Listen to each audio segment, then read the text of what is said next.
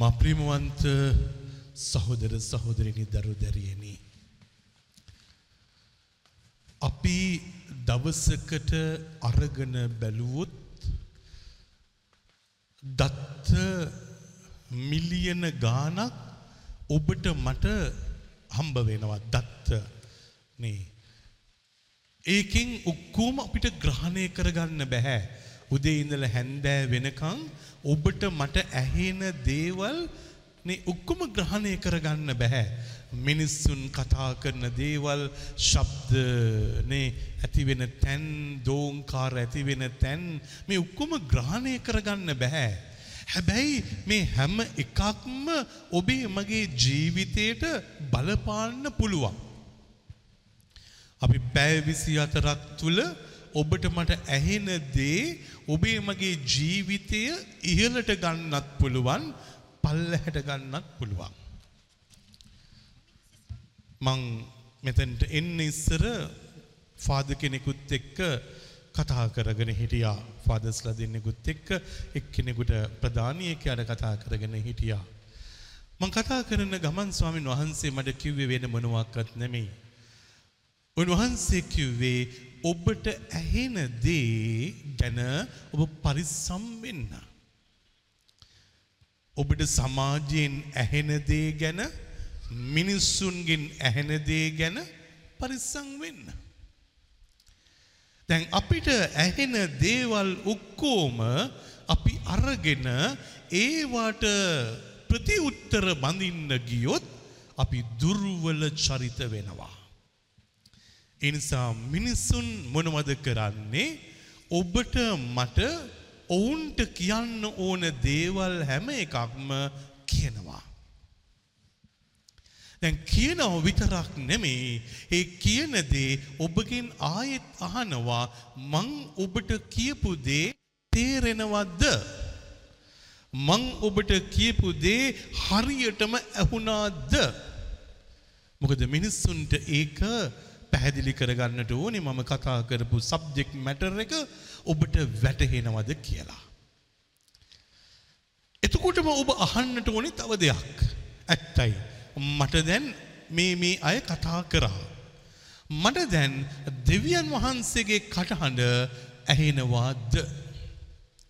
ඒ ප්‍රශ්නේ තුල ඒ කරදරේ තුල ඒ වේදනාව තුල ඒ අඳෝනාව තුල ඒ අත්හැරීම තුල ඒ කලකිරීම තුල ඒ කඳුල තුල මට දෙවියන් වහන්සේගේ කටහඬ ඇහෙනවාද? ඉතින් මිනිස්සු වශයෙන් අපි වැඩ කරද්දී දෙවියන් වහන්සේගේ කටහඬ ඇහිලා වැඩ කරන පිරිසක් ඉන්නවා. මිනිස්සුන්ගේ කටහඬ ඇහිලා වැඩ කරන පිරිසක් ඉන්නවා. එතකොට තමයි දැන් පරිස්සම් වෙන්නට ඕනේ. දැන් මම කිව්වොත් කාර්ය මට දෙවියන් වහන්සේ කතා කරනවා ඒ නිසා මම දැන් මේ දේ කරන්නට යන්නේ කියලා. එතන තමයි පරිස්සම් වෙන්නට ඕනේ. ඇයි මට මතකයි එක්තරා දවසක බිෂප් නික්ලස් මාකස් අගරදුගුරු හිමිපාණන් මට හදිස්සියේ කතා කරලා කිව්වා නේ ෆාදර් ඩැරල් ඔයා කරන සර්විසස් ඔක්කොම තාවකාලිකව නතර කරන්න ඕනේ කියලා. ඉතින් මං උන්වහන්සේ නතර කරන්න කියපුවාම නේ මං හිතුවා රයිට්. මං උන්වහන්සේගෙන් මම උන්වහන්සේට කිව්වා හොඳයි මම නතර කරන්නම් කියලා මං නතර කරා. හැබැයි නතර කරන්නම් කියලා උන්වහන්සේගෙන් මම අපොයින්ට්මන්ට් එකක් ගත්තා. මට කියන්න නේ නතර කරන්න කියලා කිව්වා ඒකට ඔබීඩියන්ස් තිබුණා. ඔබ වහන්සේට විරුද්ධව හෝ සභාවට විරුද්ධව හෝ මොනවා හරි දෙයක් මිනිසුන්ට විරුද්ධව දෙවියන්ට විරුද්ධව මගේ අතින් වෙනවද කියලා මට චුට්ටක් පහදලා දෙන්න කියලා මම උන්වහන්සේගෙන් ඇහැව්වා. එතන උන්වහන්සේ මට කිව්වා ඩැරල් මට පුංචි බයක් ඇති වුණා. මං ඇහුවා ඇයි ඔබ වහන්සේට බයක් ඇති වුණේ? එතකොට කිව්වා ඔයා දැක්කද නිවුස් එකක්? මං කිව්වා මොන නිවුස් එකද? එක්තරා රටක එක්තරා යාඥා මෙහෙයක් කරගෙන යනකොට හදිස්සියේම ඒ මෙහෙය පවත්වගෙන යන කෙනා අන්තිමට කිව්වා නේ මොනවද කිව්වේ දැන් ඔබ හැම කෙනෙක්ම අපි ඔක්කොම දෙවියන්ට බද්ධ වෙච්ච මොහොතක් ඒ නිසා අපි මෙතන මැරෙන මොහොත අපි මැරෙන මොහොත ඒ නිසා එතන හිටපු අයගින් සම් සාමාන්‍ය පිරිසක් මොනවද කරේ ගිනි තියාගෙන එතන මැරුණා උන්වහන්සේ මගෙන් ඇහුවා ඔයාටත් එහෙම කියන්න හිතෙනවද? කවද හරි මිනිස්සුන්ට එහෙම කියන්න හිතෙනවද? මං කිව්වා එහෙම හිතෙන්නේ නැහැ. එහෙම මට එහෙම හිතුනේ නැහැ. නේ. මට ඒ නිසයි බය වුණේ. දෙවියන් කතා කරනවයි කියලා නේ ඔබ වැරදි දෙයක් මිනිස්සුන්ට කරොත් මිනිස්සුන්ට කිව්වොත් එතන ඒක අපරාධයක් ඒක පාපයක් සාතන් හරි සූක්ෂමව ඔබව ඩැහැගනී කියලා කිව්වා. එතකොට රත්නම් මේ තාත්ති පුතේ දුවේ නේ පරිස්සම් වෙන්නට වෙන්නේ එතනයි. දෙවියන් වහන්සේගේ කටහඬ ඉල්ලනවා. හැබැයි වැරදි ඩිසිෂන් එකක් ලයිෆ් එකේ ගන්නවා. නේ හදිස්සියේ හොඳටම ඉගෙනගෙන ඉන්න දරුවා නේ අන්තිමට කිව්වොත් කාර්ය හොඳයි මම දැන් ඩොක්ටර් කෙනෙක් වෙන්නයි යන්නේ මම ඉගෙන ගන්නවා මට ලකුණු තියෙනවා ඔක්කොම තියෙනවා ඔක්කොම තියෙනවා හැබැයි ඊට පස්සේ කියනවා නේ ස්වාමීන් වහන්සේ මෙහෙමගෙන ඇවිල්ලා අන්තිමට කියනවා නෑ මට ඩොක්ටර් කෙනෙක් වෙන්න බෑ සමහර වෙලාවට ස්වාමිලා වෙනකොටත් එහෙම වෙනවා. පොඩි කාලේ නොදන්නා කාලයක පියුතුමෙක් වෙන්න ආරාධනාවක් ලැබෙනවා. ඒ ආරාධනාව තුළ ඒ කැඳවීම තුළ සෙමනේරයට ගිහිල්ලා ඊට පස්සේ මයින සෙමනේරියෙන් කළුතර සෙමනේරිය කළුතර සෙමනේරියෙන් නැෂනල් සෙමනේරිය ෆිලොසොෆිත් එක ඊට පස්සේ නේ තියොලොජි කරන්න මේ ඔක්කොම කරගෙන යනකොට හදිස්සියේ ආයෙත් හිතෙනවා මේ මනසට ඇත්තටම මට කැඳවීමක් තියෙනවාද? I want to discern. මට මේක දැන් discern කරන්නට ඕනේ. ඒ නිසා I need a break. මට දැන් ඕනේ නේ ඈත් වෙන්නට ඕනේ සෙමිනරියෙන් ඈත් වෙන්නට ඕනේ එළියට එන්නට ඕනේ. මට ඕනේ දැන් හරියටම මේ කැඳවීම ගැන හිතන්න.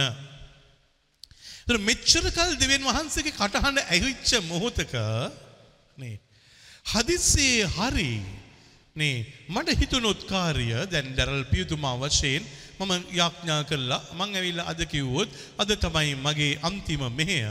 නේ අදින් පස්සේ මට ස්වාමීන් වහන්සේ කිව්වා මෙහෙ කරන්න එපා. ඉතින් ඔබ ඕන තැනකට මෙතනින් පිට වෙලා යන්න.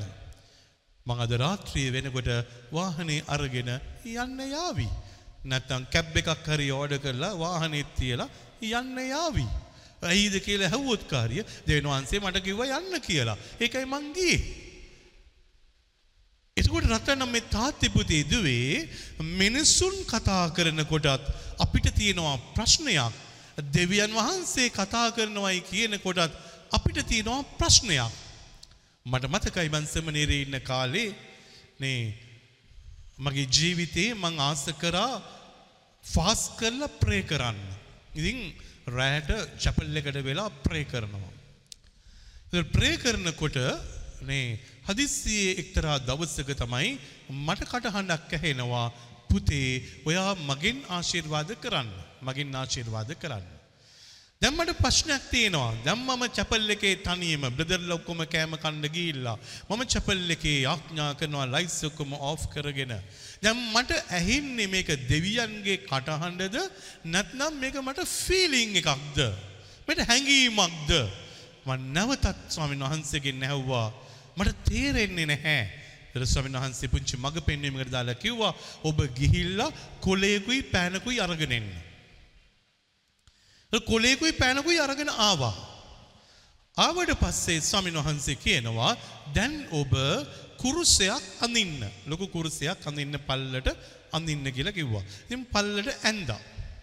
ඇඳලා ඉවර වෙලා නේ උන්වහන්සේ සලකුණු ටිකක් දුන්නා ඒව ටික දාන්න කිව්වා. දාලා ඉවර වෙලා ආයෙත් පණිවිඩයක් එනවා ඔබ මේක අරගෙන ගිහිල්ලා හදන්න දෙන්න. මේ කුරුසේ හදන්න දෙන්න.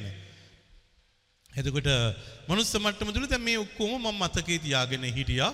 ඒ වාසනාවකට ඊළඟ දවසේ බ්‍රහස්පතින්දාවක් මං අවුටින් යන දවස අපිට ඔක්කොටම ඉතින් ඒ එදා දවසේදී මම ගියා කැන්ඩි ටවුමට ගිහිල්ලා අර කඩේ ඉන්න කෙනාට මම ඒ කොලේ පෙන්නවා.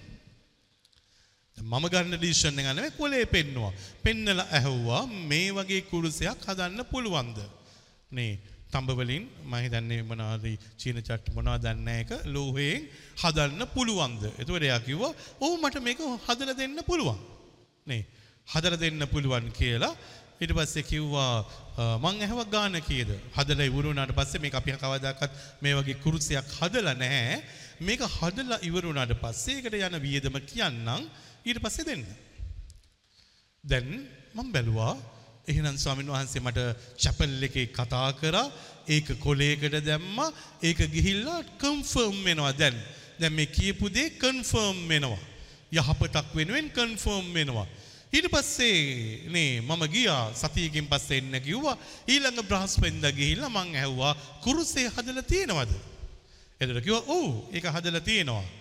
හැබැයි ඒක මගේ අතට දුන්න ගමම්ම මගේ ඇස්සරට කඳුළු ආවා මං දැනගෙන හිටියේ නැහැ. ඒ කුරුසේ හදන්නේ ඝනකමකින් හදලා ඉස්සරහෙන් ග්ලාස් එකක් දාලා මේ සප්‍රසාද වහන්සේ තියන්න පිටිපස්සෙන් නොබ් එකක් හදලා ඒ විදියට කුරුසයක් මට හිතුනේ නැහැ.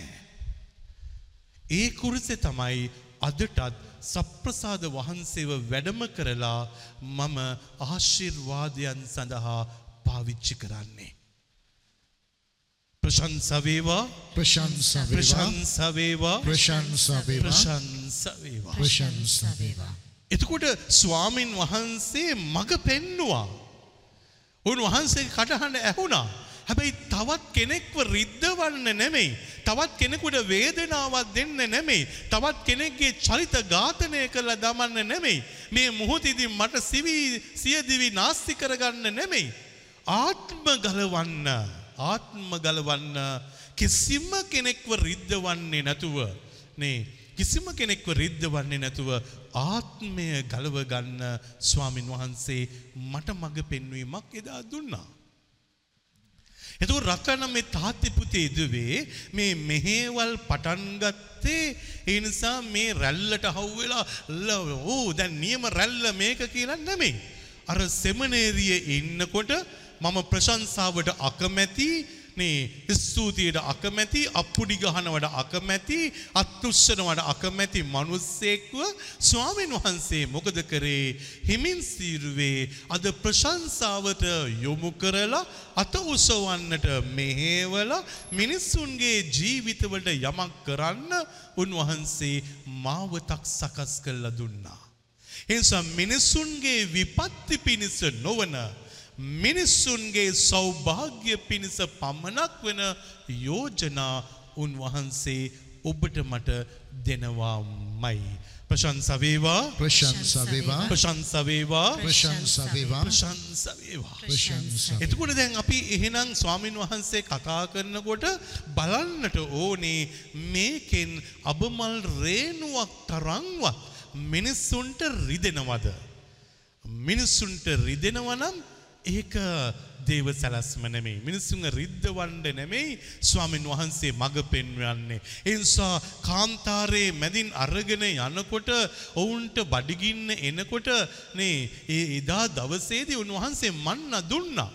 බඩගින්න ගෙනිච්චේ නැහැ. වතුර තිබහයි කියපුවාම වතුර ටික දුන්නා. සර්පයෝ දෂ්ට කරනකොට ඔවුන්ව සුවපත් කරා. ඔවුන් ඇඳගෙන හිටපු වස්ත්‍රය අවුරුදු 40ක් පරණ වෙන්න දෙන්නේ නැතුව ඒක ඇතුලේ හිර කරලා වේදනාවක් දෙන්නේ නැතුව ස්වාමින් වහන්සේ එතන මඟ පෙන්වීමක් කරා. එනිස පෙයින් එකක් දීලා නෙමෙයි. වේදනාවක් දීලා නෙමෙයි. නේ එතන දුන්නේ මිනිස්සුන්ට සැනසීම එතන දුන්නේ මිනිස්සුන්ට රැකවරණය එතන දුන්නේ මිනිස්සුන්ට ආශිර්වාදය හිනිසා රටන මේ තාත්ති පුතේ දුවේ ඔබත් මාත් මිනිස්සුන්ත් එක්ක කතා කරත් දෙවියන් වහන්සේත් එක්ක කතා කරත් බලන්න තියෙන ක්‍රයිටීරියා එකක් තියෙනවා මේක කියන එකෙන් මට කාත් එක්ක හරි වෛරයක් ඇති වෙනවාද කේන්තියක් මතු වෙනවාද. අනිත් චරිත ඝාතනයක් ඇති වෙනවාද. හැල හැප්පීමක් ඇති වෙනවාද. මේ මොහොතේදී ප්‍රතික්ෂේපයක් ඇති වෙනවාද. එතකොට සාතන් මොනවද කරන්නේ. හැම වෙලාම සාතන් ගන්න උත්සාහය තමයි බේද බින්න කිරීම. මේක තමයි සාතන්ගේ ක්‍රමවේදය. සාතන්ට ඕනේ ඩිවයිඩ් කරන්න ඩිස්පියුට් එකක් ඇති කරන්න අරගලයක් ඇති කරන්න කේන්තියක් ගස්සන්න නුරුස්සන ගතියක් ඇති කරවන්න නේ ඒ නිසා තමයි මිනිස්සු කියන්නේ මොනවද අන්තිමට කියනවා මගේ යකා උස්ස ගන්න එපා මේ මේ දන්නෙම නැතුව මේ කේන්තියත් එක්ක කියන වචනය මගේ දෙවියන් උස්ස ගන්න එපා කියලා කියන්නේ නැහැ නේ දෙවියන් මගේ ශුද්ධවන්තයන්ව අවුස්ස ගන්නවා කියලා කියන්නේ නැහැ මගේ යකා උස්ස ගන්න එපා තවත් කතා කරොත් කන පැලෙන්න ගහනවා. දැන් එතකොට දැන් මේ මොකද්ද කරන්නට යන්නේ? මට පුළුවන්කමක් තියෙනවා මිනිස්සුන්ට ගහන්න. අත උස්සන්න පුළුවන්ද? මේ අත උස්සලා ගහන්න පුළුවන්ද කාට හරි? නේ මන් දන්නේ මන් දෙවියන්ගෙන් හැමදාම අහපු දේ තමයි දෙවියනේ අත උස්සලා ගහන්න මට කවදාකවත් ඉඩ තියන්න එපා. ඒ නිසා මේ අද කියනව බය නැතුව කිසිම කෙනෙකුට ගහලා නැහැ. ටොක්කක්වත් තනලා නැහැ. අනින්න බෑ. මොකද ඇන්නොත් කාරේ රිදෙනවා කියලා දන්නවනේ. ගහන්න බෑ. ඒ දවස්වල කරාටි කරනකොට රෙස්ලිං කරනකොට එක්තරා කාලයක මම නතර කරා කරාටි. ඇයි නතර කරේ? මට මගේ තරුණ කාලේ නමුත් මට හිතෙනවා මම බ්ලොක් කරනවා විතරක් නෙමේ. පංචකට යනකොට එයාට ඒක බ්ලොක් කරගන්න බැරුව ගියොත් එතන එයාට රිදෙනවා. මං ආයේ කල්පනා කරා මේ එයාට වැදුනම රිදෙනවනේ. රිදෙනකොට ගහලා මොනවා කරන්නද? මං කොච්චර ප්‍රැක්ටිස් කරත් මේක මොනවටද නේ ඒක නතර කරා එනිසා මම විශ්වාස කරපු දේ තමයි එහෙනම් දෙවියන්ගේ කෙනෙක් වශයෙන් ඔබ මා ජීවත් වෙනවා නම් දේව සේවකයෙක් වශයෙන් ජීවත් වෙනවා නම් මිනිස්සුන්ට ගහන්න බනින්න කෑ ගහන්න බෑ.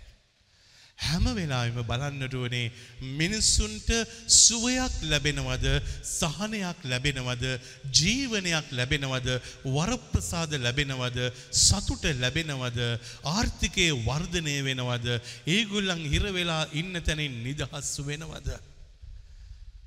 එදාට ඔබට මට හිතේවි නියමයි. මේ ගමන යන්න පුළුවන්. ඇයි ඒ? මට කාටවත් බයින්න ඕනේ නැහැ. කාටවත් ගහන්න ඕනේ නැහැ. මට තියෙන්නේ ආදරය කරන්න. මට තියෙන්නේ බලා ගන්න. මට තියෙන්නේ මේ කාල පරිච්ඡේදයේ දෙවියන් වහන්සේගේ දූතයෙක් වෙන්න. අපි කියවලා බලමු. උපදේශකයා හෙවත් සිරක් පුතේ 16 වෙනි පරිච්ඡේදයේ 24 වෙනි පදයේ සිට උපදේශක හැවත් සිරක් දාසේවෙනි පරිච්ඡේදයේ විසි හතරවෙනි පදයේ සිට. අම තාත්තිපුතේදුවේ මන් සමහර දවස්සල දේශනා කරලා ඉවර වෙනකොට සමහර අය මට ඇගීමක් කරනවා හොඳයි අද මේක මෙහෙමයි මෙහෙමයි කියලා. ඒ නිසා සමහර දවස් තියෙනවා ෆාද කතා කරා සැර වැඩි. ෆාද කතා කරා සැර වැඩි. ෆාද කතා කරපුවම අපිට රිදෙනවා. මිනිස්සුන්ට රිදෙනවා. ඒ ටෝන් එක ඒ පිචිං ඊට වඩා ඔබ තවත් ටිකක් සෞම්‍ය වෙන්නට ඕනේ ඒ කටහඬේ කියලා. ඉනිසා දේශනා කරත් ඒකත් රිදෙනවා. දේශනා කරත්. ඒක පාවිච්චි කරන ටෝන් එක ඒක පිච් එක නේ එතකොට රිදෙනවා. දැන් අපි බදාදරෑට පාවිච්චි කරන ටෝන් එක පිචිං එක අද උදේ ඉඳලා තිබිච්ච මානසිකත්වයත් එක්ක තමයි. මේකෙදි ප්‍රීච් කරනකොට ඒ ජීවෙන් වහන්සේගේ ආදරය ඔබගේ ජීවිතය තුළ තියෙන බව ඔබට ඒත්තු ගන්න ගන්නට ඕනේ කිව්වොත් කාර්ය එතන රිදෙනවා. ඒක යන ප්‍රමාණය. හැබැයි ඔබ සිකුරාදා උදේ පූජාවකට ආවොත් කාර්ය ඒකේ ටෝන් එක ඒකේ පිචිං ඒකේ පෝස් එක ඒක වෙනස්. ඇයි ඒ උදේ නැගිට්ටම මට කිසිම අවුලක් නැහැ. නේ උදේ ඉඳලා හැන්ද වෙනකන් ඩීල් කරපු ප්‍රශ්න නැහැනේ. උදේ අවදි වෙලානේ. ඉතින් මෙතනට එනකොට අනිත් එක වෙලාවත් එක්ක කාම් ඩවුන් වෙලා තියෙන්නේ. කාම් ඩවුන් වෙලා තියෙන්නේ. ඉතින් එතකොට ශෛලය හරිම වෙනස්. ශෛලය වෙනස්. ඉතින් රත්නම් මේ තාත්ති පුතේ දුවේ දේව කර්තව්‍යයක් තමයි කරන්නේ මේක ප්‍රීචිං කරන්නේ. හැබැයි ඒකෙදිත් ඔබට රිදෙන්න පුළුවන්. ඔබට රිදෙන්න පුළුවන් මම වැරදි ටෝන් එකක් වැරදි පිචිං එකක් මම පාවිච්චි කරොත්. එතකොට රත්නම් මේ තාත්ති පුතේ දුවේ ඔබ කියාවි නේ මේ කාල පරිච්ඡේදය තුල නේ ෆාද දැනෙන්න කිව්වා බොක්කොටම කිව්වා. එතකොට බලන්න වෙනවා දැනුනේ රිදිලද දැනුනේ හැඟිලද දැනුනේ ආත්මය ගැලවිලද මේක හරියටම බලන්නට ඕනේ. එතකොට පූජ්‍යකෙක් වශයෙන් සමහර වෙලාවට ඔබ මට කියාවි ඔබේ පිච් එක ඔබේ ටෝන් එක මෙහෙම තිබුණා නම් හොඳයි කියලා. ඒකම චුට්ටක් ඔබට ඇප්ලයි කරලා බැලුවොත් ඔබ මොනවා හිතෙයිද? ඔබ කවද හරි ගෙදර කතා කරනකොට පෝස් එක කොච්චරද? මගේ මහත්යත් එක කතා කරනකොට පෝස් එකක් ඕනද? පිච් එක කොයි වගේද තියෙන්නට ඕනේ? ටෝන් එක කොයි වගේද තියෙන්නට ඕනේ? ඒකේ ටෙම්පෝ එක කොච්චරක්ද තියෙන්නට ඕනේ කියලා මං හිතන්නේ අපි එහෙ විදියට හිතන්නේ නැහැ කියන්න තියෙන දේ මූණට කියන්න එපා නේද? ඒ නිසා මොකද කරන්නේ කියලා දානවා. නේ? වඩ කොච්චර කිව්වත් අහන්නේ නැහැ අනේ නේ වැඩක් නැහැ කතා කරලා. එනිසා මම නම් ඔළුව හැරුණතේ යනවා. දැන් ඒක කියන්න ඕටෝන් එකකුත් නෑ පිච් එක ගැනකුත් නෑ මොනවකත් අපි වරි වෙන්නේ නැහැ.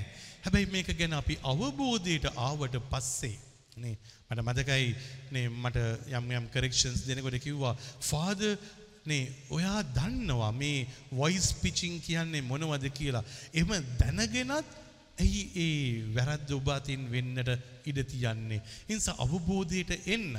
අවබෝධයට එන්න ඔබ කියන දේ ඔබ ප්‍රකාශ කරන විදිය උච්චාරණය කරන විදිය කොහොමද කරන්නේ කියලා ඒ හැම කෙනෙකුට මං ස්තුතිවන්ත වෙනවා. ස්තුතිවන්ත වෙන මොකද මං හරි ම ආසයි මගේ ජීවිතයේ ඇතුළේ මට වැරදෙනකොට මට කියල දෙනවා නම් වැරදින්න යනවයි කියලා.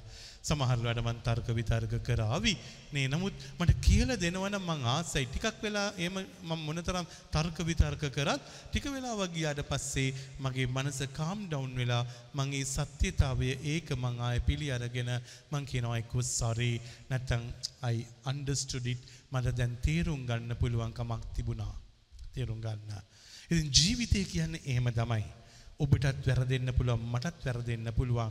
හැබැයි ටික වෙලාවක් එක්ස්ප්ලেইন කරනකොට ඒක තේරුම් ගියොත් මේ මොහොතේදී එතනදී අපි වෙනස් වෙන්න උත්සාහ කරමු. අපි බලමු එහෙනම් මොනවද කියන්නේ කියලා. මාගේ පුත්‍රයා මගේ පුත්‍රය මට සවන් දෙන්න. මට සවන් දෙන්න. ඉන්සත මේ රත්නම් මේ තාත්තිපති දුවේ මිනිසුන් කතා කරනකොටත් සුභාදහම කතා කරනකොටත් කුරුල්ලන්ගේ කිචිපිචිය ඇහෙනකොටත් අපිට අහන්න තියෙන එකම ප්‍රශ්නයයි තියෙන්නේ. මොනවද එයා කතා කරද්දී මට දෙවියන් වහන්සේගේ පණිවිඩයක් ලැබෙනවාද.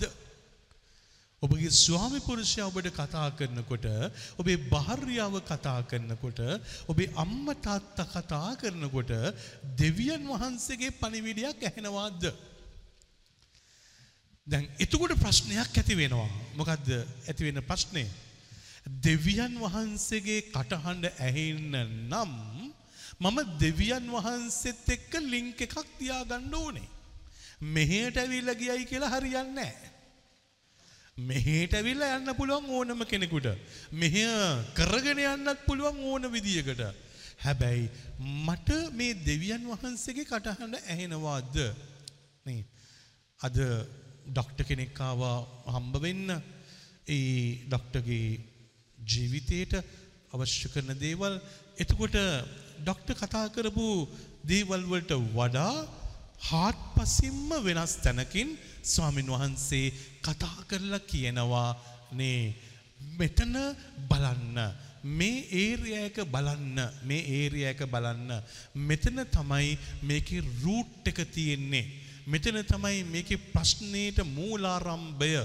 දැන් මේක කියපු ගමම්ම නේ මං ඊට වඩා ඉඳගෙන හිටියේ නැහැ මම ඒ වෙලාවෙම පුටුවෙන් නැගිටලා ඩොක්ටර්ටත් නැගිටින්න කියලා එතනින් එහාට ස්වාමින් වහන්සේ ඩිරෙක්ට් කරන විදියට අවශ්‍ය කරන දේවල් ඔක්කොම කරගෙන ගියා. එතකොට අන්තිමට ඒ ඩොක්ටර් කියනවා ලොකු ඩොක්ටර් කෙනෙක් එයා කියනවා right මෙතන තමයි ප්‍රශ්නය මටත් දැම් මතක් වෙනවා. I can understand now. මේක පටන් ගත්ත විදිය කොයි වගේද කියලා. ඊට වඩා දෙයක් මාගව තිබුණේ නැහැ. මේ රූට් එක තමයි හවුවෙන්නේ. මේ රූට් එකේ තමයි මෙතන ප්‍රොබ්ලම් එක තියෙන්නේ. එතකොට අම්මේ තාත්තේ පුතේදුවේ මට මනුස්ස මට්ටම තුල කියපු ස්ටෝරි එකක් තියෙනවා. හැබැයි මනුස්ස මට්ටම තුල කියන ස්ටෝරි එක ඇතුලේ දෙවියන් වහන්සේගේ කටහඬ ඇහෙන්නට ඕනේ. එතකොට තමයි ඒක කියපු ගම්ම ඒ ප්‍රොබ්ලම් එක සෝල් වෙනවාමයි විසඳෙනවාමයි. ඇයි ඒ නැත්නම් ඒ පුද්ගලයා පෑගානක් කතා කරා මාත් පෑගානක් කතා කරයි හැබැයි ප්‍රශ්නය විසඳෙන්නේ නැහැ. ඇයි ප්‍රශ්නය විසඳෙන්නේ නැත්තේ එතන ඉන්ටරැක්ට් වෙන විදිය තියෙන්නේ අපි දෙන්න අතර. මේ අපි දෙන්න අතර ඇතිවෙන සංවාදයේදී උඩ ඉන්න දෙවියන් වහන්සේගේ වචනය එන්න ඕනේ. ඒක අල්ලගන්න ඕනේ. දැන් එතකොට මේ සංවාදයේ නතර වෙලා දෙවියන්ගේ වචනය අල්ලගෙන ඒ මඟ පෙන්වීම ඔස්සේ තමයි ඉතුරු ටික කරගෙන යන්න ඕනේ. දැන් ඔබට මට අහල බලන්න පුළුවන්. ඔබේ ගෙදර තියෙන සංවාදයේදී ස්වයංපුරුෂයා භාර්යාව අතර ඇතිවෙන සංවාදයේදී අම්ම තාත්තත් එක්ක ඇතිවෙන සංවාදයේදී ඔබේ ඔෆිස් එකේ කතා බහේදී ඔබට නේ ඒ කතා කරන ඔක්කොම අතර මේ දෙවියන් වහන්සේගේ කටහඬ ඇහෙන විදියට මේ දෙසවන් ටික මේ මනස මේ ආත්මය ටියුන් කරගන්න ඕනේ. මට මතකයි සිස්ටර් පිටරට ගිහිල්ලා ස්ටඩීස් වලට ගිහිල්ලා එනකොට පිලිපීන්ස් වලින් මට ගෙනාවා গিitar ගහන ජේසු කෙනෙක්. මට ඒ පින්තූරේ දැක්ක ගාම සිස්ටර්ත් එක්ක ලොකු කේන්තියක් ගියා. පිලිපීන්ස් ගිහිල්ලා මේ සිස්ටර් මට গিitar ගහන ජේසු කෙනෙක් ගෙනන් දුන්නනේ. නේ ඇයි එහෙම කරේ? නේ මට ලෝගුව දාලා ඉන්න ජේසු කෙනෙක් නම් කමකුත් නැහැ. ඩෙනිම් දාගෙන ඉන්න ටී-ෂර්ට් එකක් දාගෙන ඉන්න ජේසු කෙනෙක්ව මට දෙනවා গিitar එකක් ගන්න. ඉතින් ඒක දැක්ක ගම ස්වාමි කෙනෙක් වශයෙන් ලොකු කලකිරීමක් ආවා. මං දැක්ක පින්තූරය ගෙනල්ලා දුන්න විදිය. හැබැයි ටික නිමේෂයක් යනකොට සිස්ටර් මට කියනවා නේ බලන්න හොඳට මේක. නේ බලන්න ඉන්නද මේක හොඳට. එතකොට උඩ වචනයක් ලීන තියෙනවා. ඒ වචනේ මන් දැක්කේ නෑ. গিitar ගහන ජේසුව විතරක් දැක්කා. නේ tune into the lord ඔබගේ ජීවිතය ටියුන් කරගන්න ටියුන් කරගන්න ඒක ඇහුනට පස්සේ මගේ ජීවිතයට මේක පාඩමක් වුණා. ඇයි ඒ ගිටාරේ දැන් මෙතන අද ගිටාර් ගහන්නේ හැබැයි ගිටාර් එකේ ස්ට්‍රින්ග්ස් ටික හරියට ටියුන් උනේ නැත්නම් ඒකේ පිචිං වල අප්සෙට් එකක් එනවා ඒක ඩිස්ටෝට් වෙන්න පටන් ගන්නවා. ඒ නිසා මට එදා ස්වාමීන් වහන්සේ කතා කරේ ඔබ දෙවියන් වහන්සේට ඉඩ දෙන්න ටියුන් කරන්න. ඔබව ටියුන් කරගන්න එපා. ඔබට ටියුන් වෙන්නේ නැහැ. දෙවියන් වහන්සේට ගිටාර එකක් තිබුණයි කියලා ගිටාර එක ටියුන් වෙන්නේ නැහැ නිකම්ම. ඒක මිරකලයක් වගේ වෙන්නේ නැහැ. කවුරු හරි ඒ ගිටාර එක ටියුන් කරන්නට ඕනේ. ස්වාමීන් වහන්සේ කියපු දේ තමයි ඔබ මගේ ජීවිතයට ඉඩ දෙන්න හැමදාම ඔබව ටියුන් කරන්න. එතකොට ප්‍රශ්නයක් ඇති වෙනවා. මොනවද ප්‍රශ්නේ? සමහර ස්ට්‍රින්ග්ස් තද කරන්නට ඕනේ, සමහර ස්ට්‍රින්ග්ස් බුරුල් කරන්නට ඕනේ. එතකොට තද කරන්නට ඕනේ, බුරුල් කරන්නට ඕනේ, මලකඩ වගේ එනවනංකාරී ඒවා හොඳට නෙද්දෙන් පිහදාලා ගාන්ට ඒවා හැන්ඩල් කරගන්නට ඕනේ. සමිනහන්සේ කිව්වා. ඔබ ටියුන් උනේ නැත්නම් ඔබ ඩිස්ටෝෂන් එකක් විතරයි. ඔබව සබ්දය ඔබගේ ඒවි හැබැයි ඒක සුන්දර මනහර තවත් කෙනෙගේ ජීවිතයට ප්‍රසන්න වෙන එකක් නැහැ ඔබේ ජීවිතය. ඔබේ ජීවිතය ප්‍රසන්න නැහැ. ස්වාමින් වහන්සේ නේ ගිටාරක සිස්ට ගෙනල්ල දුන්න ගම්ම කේන්තියක් වෛරයක් ඇතිවිච්ච මොහොතේදී ස්වාමීන් වහන්සේ කතා කරලා කියනවා මගේ මුළු ජීවිතේටම පණිවිඩයක් දෙනවා එහෙනම් ඔබ හැමදාම මට ටියුන් කරන්න දෙන්න ඔබගේ තත් තද කරන්න දෙන්න තත් අඩු කරන්න දෙන්න. මට මගේ ජීවිතයට ඒක හරියට ප්‍රයෝජනවත් වුණා. මට ප්‍රශ්න එනකොට කරදර එනකොට බාධක එනකොට හැල හැප්පීම එනකොට ප්‍රතික්ෂේපයන් එනකොට අත්හැරීම ඇති වෙනකොට මං ඉබේටම ස්වාමීන් වහන්සේගෙන් අහනවා ස්වාමිනේ මගේ තත්තික ටියුන් වෙලා තියෙන විදිය හරිද? මගේ ජීවිතය කියන ගිටාරය දැන් ටියුන් වෙලාද තියෙන්නේ නැත්තම් ටියුන් වෙලා නැද්ද? Tuning to the Lord කියන එක ඇතුලේ ආයෙත් ආවා. ස්වාමින් වහන්සේගේ ඒ ස්වභාවයට ඒ ඒ ටියුන් එක මට ඇහෙනවද? උන්වහන්සේගේ ඒ කටහඬ මට ඇහෙනවද? මේක තමයි රතන මේ තාත්තිපති දුවේ ජීවිතේ අමාරුම දේ. ජීවිතේ හරිම ලේසි. ඔබේ පුතාව ට්‍රේන් කරන්න හරිම ලේසි. මොකටද? අම්මා කියන දේ ඔබට ඇහෙනවද? තාත්තා කියන දේ ඔබට ඇහුණද කියලා අහන්න හරිම ලේසි. අපි තෙරපිස් කරනකොට නේ නිදි කරන්නට ඉස්සර මං අහනවා නේ ඒගොල්ලන්ගෙන් මගේ කටහඬ ඔබට දැන් ඇහෙනවා. මගේ කටහඬ දැන් පැහැදිලිව ඇහෙනවා. මගේ කටහඬට ඔබ දැන් සංවේදී වෙනවා. මේ විදියට ටියුන් කරගන්නවා මනස ඒගොල්ලන්ගේ මනස මගේ කටහඬට ටියුන් කරනවා. එතකොට තමයි තෙරපි එක ලේසි. එතන මනුස්සයන් වශයෙන් අපේ ජීවිත ටියුන් කරගන්නවා. වයිෆ්ට හස්බන්ව ටියුන් වෙන්නට ඕනේ. එනිසා තමයි මම බඳිනකොට හැමදාම කියනවා මොනවද? ඩෙසිබල් ගාන වෙනස් වෙනකොට ඔබ හරියටම අහන්න. ඔබගේ වයිෆ්ගෙන් හස්බන්ගෙන් අහන්න සුදු මේ දවස්වල මං ඔයාත් එක්ක කතා කරන ටෝන් එක පිචිං හරිද? මේක කතා කරනකොට අට රිදෙනවද?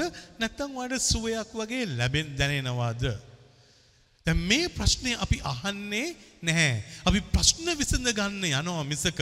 මට ඇතිවිච්ච කෙනහිලිකම මට ඇතිවිච්ච නේ රිත හිත රිදිච්ච තැන මම කියන්න යනවා මිසක.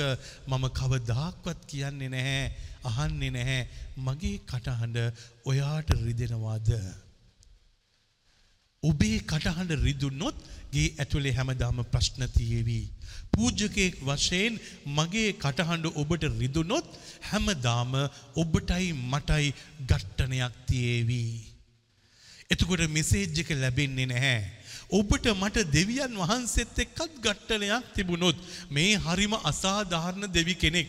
එයා මට හරියට උදව් කරේ නැහැ. ඒ දෙවියන්ට මාව දැක්කේ පෙනුනේ නැහැ. ඒ දෙවියන් වහන්සේ මට මෙච්චර කරදර වෙනකොට මගේ ජීවිතේ ළඟ හිටියේ නැහැ. දැන් මොකද වුනේ? අර තිබිච්ච රිලේෂන්ෂිප් එක සම්බන්ධතාවය අර ලින්ක් එක අර ටියුන් එක අපි මොටියුන් වෙලා තිබිච්ච දේ අපි බ්ලොක් කරගන්නවා.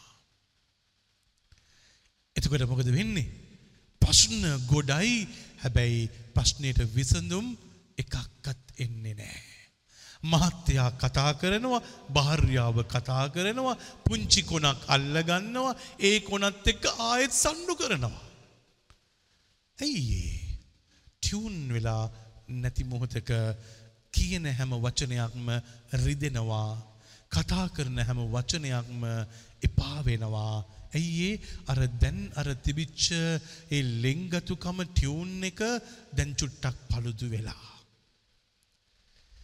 ඒ නිසා තමයි තෙරපීස් කරනකොට කියන්නේ ඔබ අහගෙන ඉන්න ඕන නම් අහගෙන ඉන්න ඕනේ මේ කතා කරන වචනේ නෙමෙයි.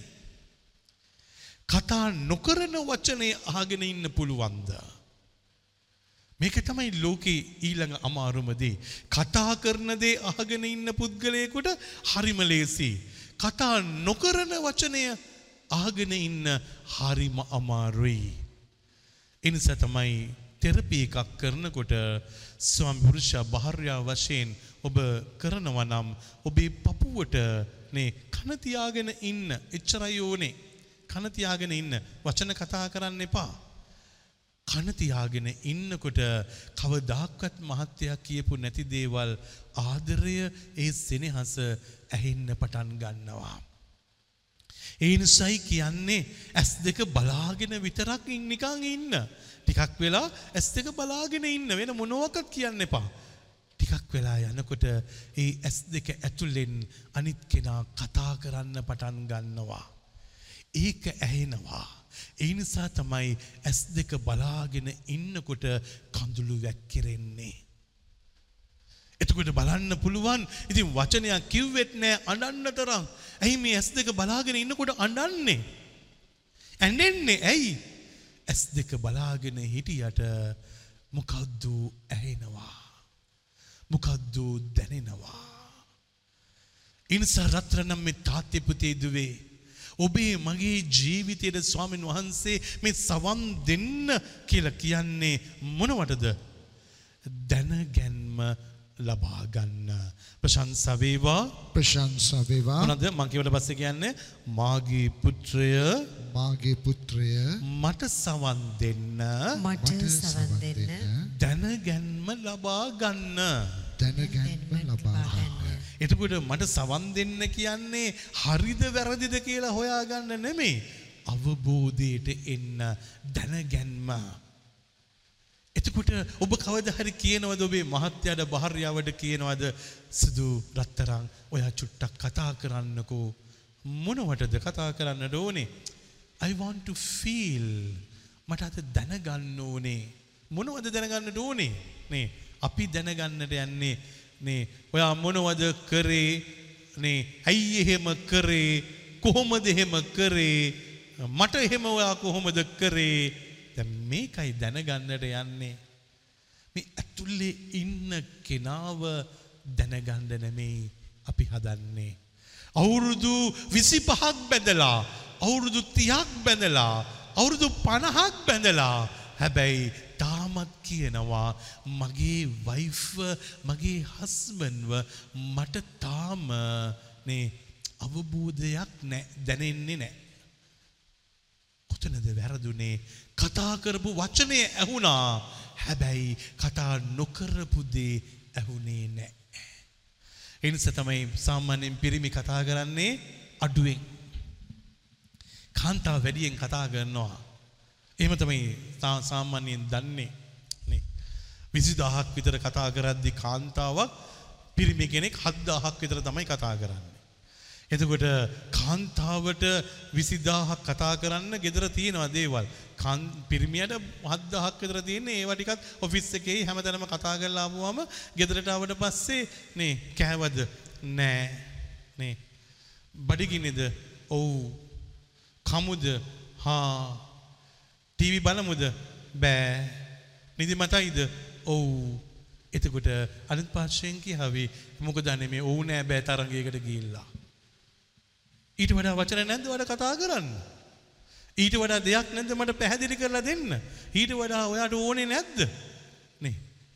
ක්ලෑෂස් ගොඩක්. ක්ලෑෂස් ගොඩක්. ඇයට වචන නෑ කතා කරන්න. පිරිමියට ටිකද ටික වෙලාවක් යනකොට කාන්තාවට ඕන තරම් වචන ඉතුරු කරගෙන හිටියොත් විසිදාහේ එයාට කතා කරන්න තියෙනවා. හැබැයි පිරිමියටත් තියෙනවා. කතා නොකරන ඇතුලාන්තයෙන් කතා වෙන ශබ්දයක් තියෙනවා. ඒක කවදද හොයන්නේ. කතා නොකරන දේ මගේ භාර්යාව කතා නොකරන දේ මට ඇහෙනවද අවබෝධ වෙනවද? ස්වාමීන් වහන්සේ කිව්වේ ඒකයි. ස්වාමීන් වහන්සේ කියනවා මට සවන් දෙන්න. හැබැයි ඒ සවන් දෙන්න ඕනේ වෙන කිසිම දෙයක් නිසා නෙමෙයි. ඔබ දැනගැන්ම ලබා ගන්න අවබෝධයට එන්න. ඇයි ඒ අවබෝධයට එන්න කියන්නේ? ඔබේ මුළු සිතම ඔබේ මුළු සිතම මගේ වචනය කෙරෙහි මගේ වචනය කෙරෙහි යොමු කරගන්න. යොමු කරන්න. ආ, එතකොට තමයි ස්වාමීන් වහන්සේ මොනවද කියන්නේ ඔබ අහගෙන ඉන්නකොට සම්පූර්ණයෙන්ම මගේ වචනය අහගෙන ඉන්න. ඒක තමයි අමාරු. සමහර අය මොනවද කියන්නේ ෆාදර් මට එක දිගට ප්‍රේ කරන්න බෑ ෆාදර්. ප්‍රේ කරන්න බෑ ෆාදර්. මගේ මයින්ඩ් එක එක තැන තියාගන්න බෑ ෆෝකස් එක තියාගන්න බෑ. නේ සමහර අය කියනවා මට ප්‍රේ කරන්න බෑ. මම ඇයි ෆාද නේ මම ප්‍රේ කරගෙන ඉන්නකොට ළමයා ටීවී එක දැම්මා. මහත්තයා ටීවී දැම්මා. යක්ෂ පරීක්ෂාව ෆාද යක්ෂ පරීක්ෂාව. ඇත්තද නෑ. ඔබ යාඥාවට මහත්තයා ටීවී දාපු එක බාධකයක්ද නැහැනේ. නේ ඔබ දැන් යාඥා කරගෙන ඉන්නවා නම් ශුදෝපියාණිය වහන්සේට මේ මොහොතේදී විශේෂ ආකාරයෙන් ස්තුතිවන්ත වෙනවා අද දවස වෙනුවෙන් කියලා කියද්දි මහත්මයා ටීවී එක දානවා. දාපු ගාම කියනවද මහා යකෙක් ඇවිල්ලා ටීවී දානවා දැන් නෑ. එතට ඔබගේ යාඥාව කැඩෙන්නෙම නෑ. මොනවද කරන්න තියන්නේ. ඔබ කියනවා ශුදු ස්වාමිනි වහන්සේට ස්තුතියි ස්වාමිනී. මේ මොහොතේදී මගේ මහත්තයා ටීවී එක දානවා. ඔහුට රිලැක්ස් වෙන්න අවශ්‍ය කරන මේ මොහොතේදී ඔහුට පිහිට වෙන්න. මේ මොහොතේදී ඔහුත් සමග වහන්සේ ඉන්න. මේ මොහොතේදී වැඩසටහන් කරපු ඒ කරන හැම කෙනෙකුමද මේ මොහොතේ ආශිර්වාද කරන්න ඒ channel එක ආශිර්වාද කරන්න. ඔබ වහන්සේ තුල මට ජීවත් වෙන්න මේ මොහොතේදී දුන්න අවස්ථාවට ස්තුතියි ස්වාමිනී. මහත්තයා ටීවී දැම්ම කියලා මගේ යාඥාව කැඩෙනවද? කැඩෙන්නේ නෑනේ දෙවියන්ත එක කතා කරන දේ නතර කරලා අර මහත්තයාට බයින්න ඕනද? නේ. නේ. තමුසේ නිසා මට ප්‍රේ කරන්න බෑ ඕයි. එහෙම නෙමෙයිද කියන්නේ? තමුසේ නිසා මට ප්‍රේ කරගන්න බෑ කියලා ඒ වගේ වචන පාවිච්චි කරලා මොනව නිසාද? මට මේ ටියුන් එක නේ මේ කනෙක්ෂන් එක මං කඩා ගන්න නිසා. ඔබ කඩාගෙන තමයි එතන කෑ ගහන්නේ. ඔබ කඩාගත්තේ නැත්තම් ස්වාමින් වහන්සේත් එක්ක තියෙන සම්බන්ධතාවය මහත්යා ටීවී දාපු එක ඔබගේ යාඥා ජීවිතයට උදව්වක්. ඔහු වෙනුවෙන් යාඥා කරන්න හම්බෙච්ච අවස්ථාවක්. හැබැයි අද අපි එහෙමද දකින්නේ නැහැ. මේ මනුස්්‍යයනන් නරකාදියටම යනවා. ඇයි ඒ එහෙම කියන්නේ මම යාඥා කරනකොට මේ මනුස්සය ටීවී දැම්මනේ. නේ. ඒ මනුස්සයා ගාව ශුද්ධාත්මයෝ නෑ. ඒ මනුස්සයා ගාව ඉන්නේ සාතන් කෙනෙක්. අර මහත්තයා ටීවී දැම්ම විතරයි සාතන්ව මතක් වුණෙත් නෑ. හැබැයි යාඥා කරනවයි කියන කෙනාට දැම් මතක් වෙනවා සාතන්ව. එතට බලන්නම් මේ තාත්තිපිති ඉදුවේ මේ අපි මේ ලිංක් එක කඩාගත්තම කොච්චර දුර්වල චරිත වෙනවද කියලා එනිස ස්වාමින් වහන්සේ කියනවා මොනවද දැනුම පැහැදිලි ලෙස දැනුම පැහැදිලි ලෙස ප්‍රකාශ කරන්නෙමි. ප්‍රකාශ දැන් අපි මොනවද ඉල්ලන්නට යන්නේ මිනිස්සුන්ගෙන් තමයි දැනගැන්ම ඉල්ලන්නට යන්නේ. දැනුම ගන්නට යන්නේ මිනිස්සුන්ගෙන්.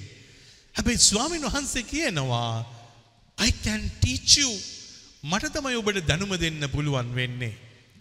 මම ඔබ අවබෝධයට ගෙනල්ල දෙන්නම්. ඔබට සබ්ජෙක්් මැටර් එක හරියටම විග්‍රහ කරලා දෙන්නම්. හැබැයි එහෙම අපි ස්වාමින් වහන්සේගෙන් ඉල්ලනවද නේ මට මේ මොහොතේදී ස්වාමිනී නේ දෙන්න ඔබ වහන්සේගේ ආශිර්වාදය ඔබ වහන්සේව දැනගන්න ඒ නිසා මෙහෙම කියනවා දෙවියන් වහන්සේ දෙවියන් වහන්සේ ආරම්භයේදී තම කෘතීන් තම කෘතීන් මැව් කෙනෙහිම මැව් කෙනෙක් ඒ හැම දේටම ඒ හැම දේටම තැනක් නියම කළ සේකා. තැනක් නියම කළ ප්‍රශංසා වේවා. ප්‍රශංසා ප්‍රශංසා වේවා. ප්‍රශංසා ප්‍රශංසා වේවා. ප්‍රශංසා මෙතන තමයි අපි වරද්ද ගන්නේ. ඇයි? අපි වැරදි තැනක වැරදි කෙනෙක්ව තියෙනවා. ඔබ අරගෙන බලන්න වැරදි තැනක වැරදි කෙනෙක් තිබ්බොත් මොකද වෙන්නේ කියලා? මට ළඟදී එක්කෙනෙක් කතා කරලා කියනවා ෆාදර් අපේ ගෙදරට වැඩට කෙනෙක්ව ගෙනාවා. ඒ වැඩට ගෙනාපු කෙනා නේ අවුරුදු ගානක් හොඳට හිටපු කෙනා. ඉතින් ඒ නිසා යා ගැන අපි විශ්වාසයක් තබලා මුළු හැම එකේම අයිතිය තියලා තිබුණා. හැබැයි එයා මොකද කරේ දන්නේම නැතුව අපේ ගෙදර තියෙන සල්ලි ටික එයා හොරකම් කරනවා. මගේ වාහනෙන් ගන්නවා සාක්කුවෙන් ගන්නවා මේ අරගෙන මං හිතන්නේ ලක්ෂ 10කටත් වඩා හොරකම් කරලා ඇති මෙයා. ඉතින් මොකද වුනේ? වැරදි පුද්ගලයෙක්ව වැරදි තැනක වැරදි විදියට තිබ්බා. ජීවිතේ ඔබ වැරදි කෙනෙක්ව වැරදි තැනක තිබ්බොත් ඒ අය මිස්යස් කරනවාමයි. මිස්යස් කරනවාමයි. එනිස ස්වාමින් වහන්සේ කිසිම දෙයක් වැරදි තැනක තියන්නේ. ස්වාමින් වහන්සේ හරි තැන හරිදේ තියෙනවා.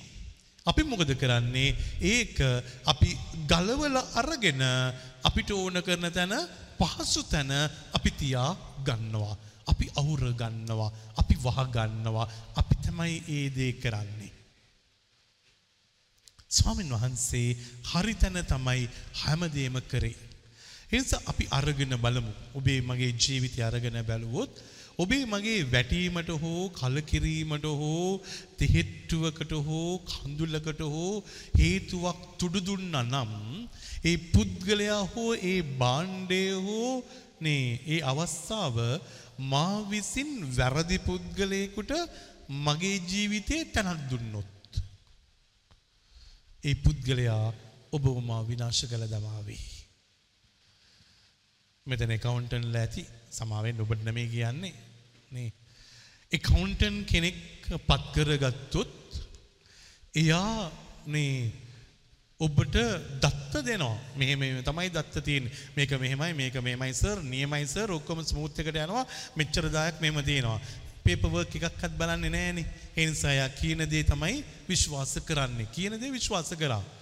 හැබැයි ටික දවසක් යනකොට තේරෙනවා මේක ඇතුලෙන් තමයි රෝල දාලා තියෙන්නේ. සල්ලි ටික මේව කරලා මේව කරලා මේව කරලා මෙහෙම කරලා අන්තිමට end of the day ඔබ ලොකු නායකාරයෙක් වෙලා ඔබගේ බිල්ඩින් එක විකුණන්න වෙනවා ඔබගේ ඇසට් එක විකුණන්න වෙනවා. හැබැයි එයා මොකද කරන්නේ?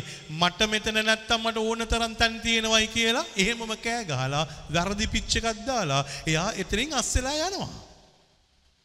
සේවකයා අස්සෙලා ගියා. හැබැයි කම්පැනියේ බංකුලොත්. ඇයි වැරදි පුද්ගලයෙක්ව වැරදි තැනක විශ්වාස කරලා තිබ්බා. එනිසා ඔබේ ජීවිතයේ හැම වෙලාවෙම අහල බලන්න ඔබ තියෙන පුද්ගලයාව වැරදි පුද්ගලයෙක්වද මෙතන තියලා තියෙන්නේ හරි පුද්ගලයෙක්වද තියලා තියෙන්නේ. හරි දෙයක්ද මෙතන තියලා තියෙන්නේ වැරදි දෙයක්ද මෙතන තියලා තියෙන්නේ. මගේ ජීවිතේ පෞගේ කාලෙ මං අත්දැක්කා මම නේ මගේ එහා පැත්ත මම ඉන්න කාම්බරේ පැත්ත මං ජෝසප් තාත්තට කිව්වා නේ මට මේක අහුරලා දෙන්න මේක දැන් වහලා දෙන්න. ඉතින් ලැටිස් ගහලා ඔක්කොම කරලා ගේට්ටු දාලා වැැහ්වා. ඒක ගහපුවාම මට හිතුණා දැන් මට ප්‍රයිවසි තියෙනවා නේ ඔක්කොම තියෙනවයි කියලා මට හිතුණා. ඒතර මේ පැත්තෙත් ගස් තියෙනවා මේ පැත්තෙත් ගස් තියෙනවා ඔක්කොම තියෙනවා දැන්. දැන් ඉතින් මට එහා පැත්ත පේන්නේ නැහැ මෙහා පැත්ත පේන්නේ නැහැ. ඒ ඒ ලැටිස් වලින් තමයි මම බලනවා නම් හිමින් සීරුවේ ඇහැ තියලා බලන්න ඕනේ. නේ. පහුගිය දවසක ශ්‍රම දානය කරලා නේ කට්ටිය යනකොට මට නිකම්ම මං සාමාන්‍ය ෆෝන් එකේ හරි මොනවාරි කල්පනාව යනවනේ ඒ මොහොතේදී මට එකපාරටම පඩිය දිහා මගේ දොර ගාව මට බැලුණා බැලුනම මට පේනවා මේ සර්පෙක් ඉන්නවා ඉතින් මං ටක් ගාලා කෑ ගහලා මේ වැඩ කරන අයත් ඇවිල්ලා ජුත් අදත් ඇවිල්ලා අන්තිමට ඒ සර්පයා මරපුවාම ඌ පොළඟෙක් මං එදා තීන්දු කරා ඒ වෙලාවේ මං අර වටේ ගහලා තියෙන ලැටිස් ටික ගලවන්න ඕනේ කියලා. ඒක නේ කට්ටියම එකතු වෙලා ගැලව්වා. එතකොට තමයි ඊයේ ගලවපුවම මට පේන්නේ දෙයියනේ වැරදි දෙයක් මම වැරදි තැනක තියාගෙන ඉඳලානේ. ඒක ගලවුවට පස්සේ මොන තරම් මේක ලස්සනයිද? මේ භූමිය මොනතරම් හොඳයිද? මේක මොනතරම් සිරියාවන්තයිද? මට එතන ඉඳගන්න හිතෙනවා. මං අද හැන්දෑවේ අතන තිබිච්ච පුටුව ගාව ඉඳගෙන චුට්ටක් වෙලා විවේක සුවයෙන් හිටියා. එතකොට අර ලැටිස් ගහලා වහලා තියාගෙන හිටියේ මම. මා විසින් වැරදි දෙයක් වැරදි තැනක තියාගෙන හිටියා. හැබැයි ඒ වැරදි දේ මං ගලෙව්වට පස්සේ මට තේරෙනවා මේ මං ඉන්න තැන මොනතරම් වාතාශ්‍රයක් තියෙනවද? මොනතරම් හොඳයිද? මොකටද මං වහගත්තේ? මොකටද මං ලැටිස් ගැහුවේ? මොකටද මං සත්තුන්ට බෝ වෙන්න මෙතන ඉඩ තිබ්බේ? ඒක මීට වඩා ලස්සනට තියාගන්න තිබුණනේ. ලස්සනට තියාගන්න තිබුණනේ. මටත් යන්න බැරි අනිත් අයටත් රිස්ක් එකක් තියෙන තැනක්. ජීවිතේ අපි සමහරට පුද්ගලයන්ව විතරක් නෙමේ වැරදි තැනක තියන්නේ. අපි දේවලුත් වැරදි තැන්වල තියලා තියෙනවා. එනිසා රත්තරනම් මේ තාත්තිපති දුවේ ස්වාමින් වහන්සේගෙන් ඉගෙන ගමු හරි තැන හරි දේ තියන්න මට ශක්තිය දෙන්න කියලා. ප්‍රශංසා වේවා ප්‍රශංසා වේවා ප්‍රශංසා වේවා. ප්‍රශංසා වේවා. ඊට පස්සේ උන්වහන්සේ කියනවා ඒවාට ඒවාට ඒවාට සාගින්නක්කෝ සාගින්නකෝ වෙහෙසක්කෝ වේසකෝ නොදැනෙන්නේයා. නොදැනෙන්නේය. ප්‍රශංසා වේවා ප්‍රශංසා ප්‍රශංසා වේවා ප්‍රශංසා ප්‍රශංසා වේවා. ප්‍රශංසා තව ලස්සන දේවල් ගොඩක් තියෙනවා. මම මෙතනින් අවසන් කරන්නම්. ස්වාමීන් වහන්සේ කියනවා මම කියන තැන මම තියපු විදියට දේවල් තිබ්බොත් කරොත් එතන බඩගින්නක්වත් සාගින්නක්වත් වෙහසක්වත් තෙහෙට්ටුවක්වත් දැනෙන්නේ නැහැ.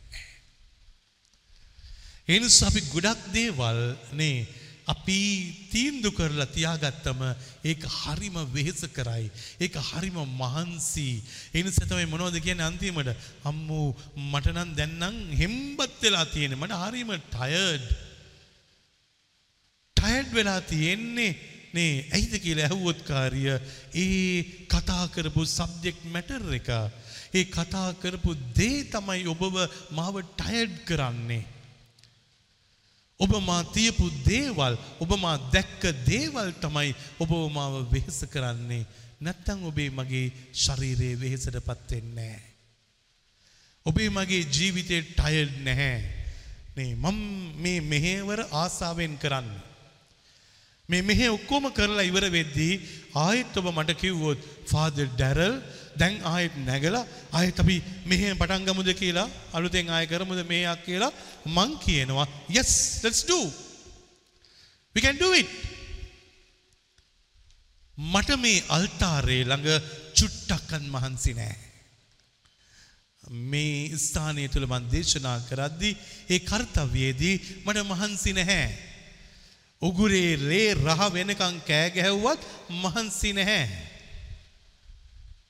මොකද ස්වාමින් වහන්සේ තුල මට මෙතන එනර්ජි තියෙනවා. මට මෙතන බලය තියෙනවා. මට මෙතන ශක්තියක් තියෙනවා. මෙත මට මෙතන ආදරයක් තියෙනවා. මට මෙතන අභිෂේකයක් තියෙනවා. මට මෙතන සුන්දරත්වයක් තියෙනවා. ඒක ඕන නම් මෙතන කතා කරන පොල් තාත්තගෙන් අහලා බලන්න, සිස්ටර්ගෙන් අහලා බලන්න. මෙතනට ආවට පස්සේ එහෙම ටයඩ් වෙන්නේ නෑ. එනිසා ඔබේ ගේ ඔබගේ ටයිඩ්නස් කියන එක නැති කරන තැනක් කරගන්න. ඔබගේ මහන්සි ඔබගේ කහන්සි ඔබේ තෙහෙට්ටුව නැතිවෙන තැන තමයි ඔබේ නිවස. ඔබට ශාන්තිය සමාධානය සුවය සමාව දැන තෝතැන්න තමයි ඔබේ නිවස. එනිසා තමයි කවුරු හරි මට ගියක් ආශිර්වාද කරන්න කිව්වොත් ඒ ගේ ආශිර්වාද කරද්දී මම හැමලම කියනවා සුදෝපියනිය වහන්සේගේ දේව ආශිර්වාද මේ නිවස පුරවන්න මේ ශාන්තිය සමාදානයේ සුවේ ආදරේ කරුණාවේ දයාවේ ප්‍රේමයේ සමාවේ උල්පතක් බවට පත් කරන්න. එතකොට කොච්චර මහන්සි වෙලා හිටියත් අන්තිමට මොකද කරන්නේ? ගෙදරට එනකොට අඩිය තියපු ගමම්ම ඔක්කොම ප්‍රශ්න ඉවරයි මහන්සි ඉවරයි ශාන්ති සිතක් ඇති වෙනවා. නැත්තං කරේ මොකද වෙන්නේ? අර මහන්සි වෙලා මහන්සි වෙලා මහන්සි වෙලා කාම්බරයට එන්න කොටම පුපුර පුපුරමයි එන්නේ. ඒ නිසා වයිෆ් කිව්වනම් කාර්ය නේ මොකද අනේ අද චුට්ට පරක්කු වුණේ කියලා විතරයි අහන්න තියෙන්නේ. මහත්තයාට එපා වෙලා නම් ගෙදරට එන්න මොනවද කියන්නේ? ඇයි තම්ස හිතුවද මං රෝන් දෙක ගහලා එනවා කියලා? එතකොට කියන ඇයි තරහා ගියේ මං ඔයාලට මොනවත් කිව්වේ නෑනේ මට ගේ කියන්නේ සුවේ සනසීමේ ආදරයේ තොතැන්නක් නෙමෙයි. ගේට්ටුවෙන් අතුරට අඩිය තියෙනකොට ශාන්තියක් ලැබුණොත් ඒක තමයි ඔබේ ජීවිතයට අවශ්‍ය වෙන්නේ. ඒක තට්ටු කීයද කියන එක නෙමෙයි වැදගත් වෙන්නේ. ශාන්තියක් තියෙනවද? සැනසීමක් තියෙනවද? ආදරයක් තියෙනවද?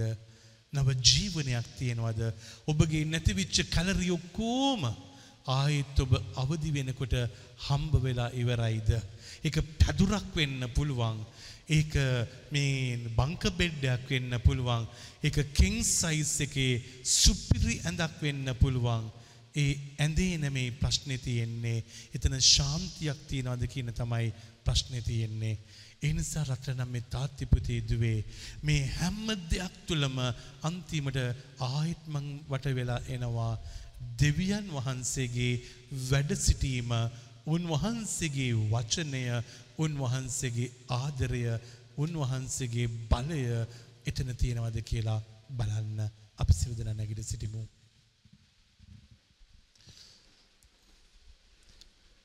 අපි ගොඩක් දේවල් කතා කරන්නට යනවා. හැබැයි ඒ කතා බහ තුළ දෙවියන් වහන්සේගේ වැඩ සිටීම ඇහෙන්නට ඕනේ. එනිසා ෆාදර් ඩැරල් කතා කරපු වචන ගැන ඔබ කලබල වෙන්න එපා. සමහර දේවල් ඔබට ඇහිලා ඇති සමහර දේවල් ඇහිලා නැතුව ඇති සමහර දේවල් ඔබට පිළිගන්න පුළුවන් ඇති සමහර දේවල් ඔබට පිළිගන්න බැරුව ඇති කලබල වෙන්න එපා. මෙහේකදී අවශ්‍ය වෙන්නේ මේ කතා බහ යනතුර ඔබට දෙවියන් වහන්සේගේ කටහඬ ඇහුනද. නැත්තං ඔබ කියාවේ ෆාද ඩරල් හොඳට ප්‍රීච් කරා දැනෙන්න ප්‍රීච් කරා නේ මොනවද කිව්වේ? කිව්වා ගොඩක් දෙවල් කිව්වනේ. ඉති මොනවද කිව්වේ? එක තමයි ඉතින් ගොඩක් දෙවල් කිව්වයා. යා අපේ ජීවිතවලන කිව්වේ. අපිට හදාගන්න කිව්වේ. ඉතින් මොනවද කිව්වේ? යා කිව්වා ඉතින් මේ පරිස්සම් වෙලා ඉන්න කියලා කිව්වා. එතකොට දැන් මේ මොකද වුනේ? ඩරල් කියන කෙනාව අහගෙන හිටියා. හැබැයි උඩ ඉන්න කෙනාව අහගෙන හිටියේ නෑ. ඉන්සා මෙහයක සාර්ථකත්වය තියෙන්නේ ඒ ප්‍රීච කියන කතන්දරයට වඩා ඒ වචනය ඔබට ඇහෙනකොට ඊට වඩා උඩින් දෙවියන් වහන්සේගේ කටහඬ ඔබට ඇහෙන්නට ඕනේ. ඒක තමයි බල්ල ගන්නට ඕනේ. ඒක අල්ලගත්ත ගමම මොකද වෙන්නේ ඔබේ සිත උන්වහන්සේගේ ශාන්තියෙන් පිරෙනවා. එනිසයි සමහට කියන්නේ ෆාද මෙහට අපි ඇවිල්ල ගියා ෆාද මෙහට ඇවිල්ල ගියා. වැඩක් නෑ ෆාද ඉතින් ඒ නිසා අන්තිමට අපි තීරණය කරා මෙහෙට එන එක නැති නතර කරලා අපි පැත්තකට වෙලා ඉන්නවයි කියලා. ඇයියේ මෙහේ ප්‍රශ්නයක්ද ෆාද ඩැරල්ගේ ප්‍රශ්නයක්ද නැහැ. අපි කොච්චර කතා කරත් වැඩක් නැහැ. උඩ ඉන්න කෙනා ඔබව ස්පර්ශ කරේ නැත්තං. මේ හෝරාව හෝරා එකමාර නේ වෙන් වෙලා තියෙන්නේ ෆාද ඩැරල්ගේ කටහඬ ඔබට ඇහෙන්න නෙමෙයි. මේක උදව්වක් විතරයි. මෙහෙම යනකොට ඔබව අල්ලගෙන අල්ලගෙන යනකොට ඔබට අවශ්‍ය කරන පොයින්ට් එකේදී කතා කරන්නේ ෆාදර් ඩැරල් නෙමෙයි. එතකොට කතා කරන්නේ දෙවියන් වහන්සේ ඒ පොයින්ට් එකේදී ඔබව තියාගෙන අවදි කරලා සුව කරලා බලවත් කරලා ශක්තිමත් කරලා උපමට්ටම් කරලා හෝදන්න ඕන තැන හෝදලා නේ ස්වාමීන් වහන්සේ ආයිත් අලුත්මැවිල්ලක් කරනවා. ඒක තමයි වෙනස. මගෙන් අහනවා ඇයි නේ එක්තරා දවසක මගෙන් ඇහුවා එක එක්තරා පුද්ගලයෙක් ඇයි මේ ෆාද සුනන්දගේ කාලේ ඉඳලා ඒගොල්ලෝ තාම මෙහෙට යනවනේ ඒ කෙනා? එයා සුව වෙලා නැද්ද තාම? මං කිව්වේ මෙහෙට එන්නේ සුව වෙන්න නෙමෙයි. මෙහෙට එන්නේ දෙවියන් වහන්සේගේ කටහඬ බද්ධ වෙන තැනක්.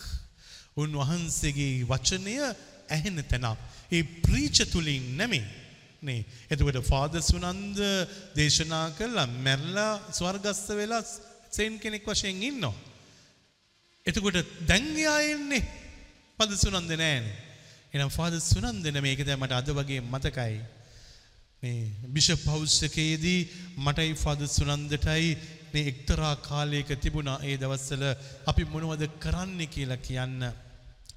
මම පොඩි ස්වාමී මම මුන්නක් කරේ මම ෆාද සුනන්දර කිව්වා ෆාද මට හරි බයයි ඉගුළු මොනුව අහයිද දන්න ඇහැනේ කියලා. එතකොට මට ෆද සුනන්ද කීපු දේ තමයි ඩැරා ඔයාගේ දෙයක්දවා කරේ මංකිව නෑ එන බයවෙන්න එපා. ඔයාගේ දෙයක් කරොත් බයිවෙන්න. ඔයාගේ දෙයක් කරේ නැතැන් දෙයියන්ගේ දෙයක් කරවානම් බයිවෙන්න එපා. මස් සාමාන්‍ය විදිහට ඉන්න. වැඩ ටික කරගෙන යන්න. නේ. එදා දවසේදී ඔහු එතන හිටපු ඒ ඔක්කොටම කතා කරලා කිව්වා ඔබ හිතනවද මේ මිනිස්සු එන්නේ මගේ කටහඬ වෙනුවෙන් කියලා. එහෙනම් වැරදි.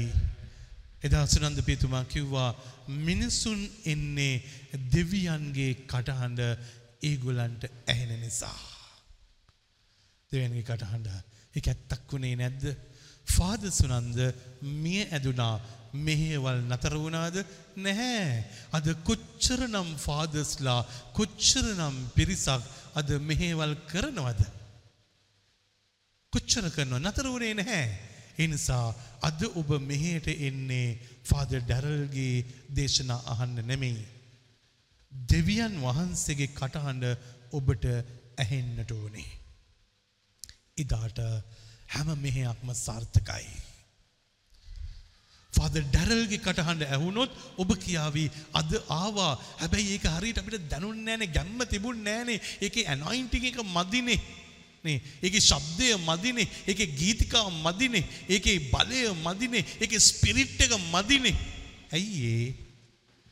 අර දෙවියන්ගේ කටහඬ අහගෙන ඉන්න ඕන ඔබ ෆාද ඩැරල්ගේ කටහඬත් අහගෙන ගීතිකා කණ්ඩායමේ ගීතිකත් අහගෙන එනිසයි මෙතන සමහර වෙලාවට අපි කතා බහ කරනවා නේ අපිට සවුන් සරිගියේ නෑ අපිට ඇහුනේ නෑ අපිට මේක ෆීල් වුණේ නෑ ඔක්කොම එළියෙන් ඉන්න හැම කෙනාම කියනවා නේ ඔගලන්ගේ කාර් එක නම් නියමයි ඒක සිං කරද්දි අපිට හරියට දැනුණා නේ අපේ වෙඩින් එකටත් ගෙනියන්න පුළුවන්ද? අපේ වෙඩින් එකට ගෙනියන්න පුළුවන්ද? අපේ ජීවිතවලට මොනවද කරාන ඒගොල්ලෝ සිං කරද්දි? දැන් අතනදී එහෙම වෙනවා මෙතනදී මේ තරම් ප්‍රශ්නයක් ඇති වෙනවා. කොහොමද එහෙම වෙන්නේ? ඒ නිසා මේක ඕන තරම් මෙතන ප්‍රශ්න තියෙන්නට පුළුවන්. හැබැයි ස්වාමින් වහන්සේගේ කටහඬ නම් ඇහෙන්නට ඕනේ. එතකොට මේ ගීතිකා කණ්ඩායමේ කිසිම දෙයක් ඔබට ඇහෙන්නේ නැහැ. ගීතිකා කණ්ඩෑමේ දේවල් ඇහෙන්නේ නැහැ. ගීතිකාව තුල ඉන්න දෙවියන් වහන්සේගේ බලය තමයි ඇහෙන්නේ. ඩැරල් පියතුමාව ඇහෙන්නේ නැහැ. ඩැරල් පියතුමා කතා කරාට පස්සේ ඔබට දෙවියන්ගේ කටහඬ විතරයි ඔබට ඇහෙන්න පටන් ගන්නේ. මේ ප්‍රින්සිපල් එක ගෙදරට ඇප්ලයි කරන්න. එදාට මහත්යාගේ කටහඬවත් ඔබගේ භාර්යාවගේ කටහඬවත් ඔබේ දරුවගේ කටහඬවත් ආච්චි සීයාගේ කටහඬවත් ගැන නෙමෙයි ඔබ වරි වෙන්නේ. මගේ ආච්චි කතා කරනකොට මගේ සීයා කතා කරනකොට මගේ ස්වයං පුරුෂයා කතා කරනකොට මගේ භාර්යාව කතා කරනකොට දෙවියන්ගේ කටහඬ ඇහෙනවා. එදාට ලොකු ශාන්තියක් ඇස් දෙක වහගන්න.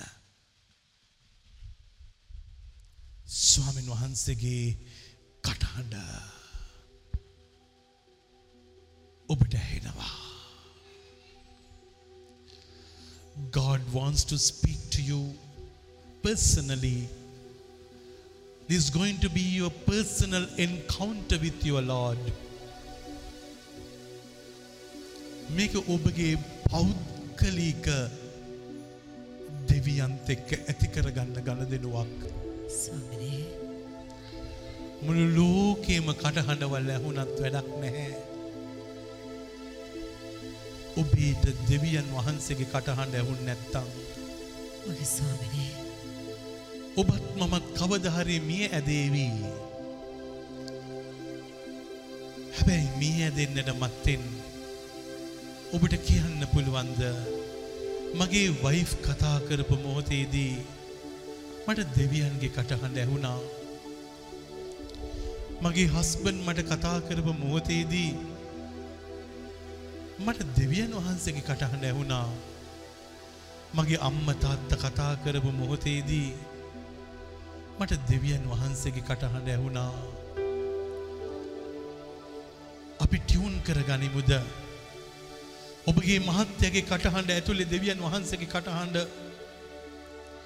ඔබේ භාර්යාවගේ කටහඬ ඇතුළේ දෙවියන් වහන්සේගේ කටහඬ ඔබේ අම්ම තාත්තගේ කටහඬ ඇතුළේ දෙවියන් වහන්සේගේ කටහඬ ඔබේ ඔෆිස් එක ඇතුළේ දෙවියන් වහන්සේගේ කටහඬ ඇහෙනවා. හරි තැන හරි දේ තියන්නට යනවා.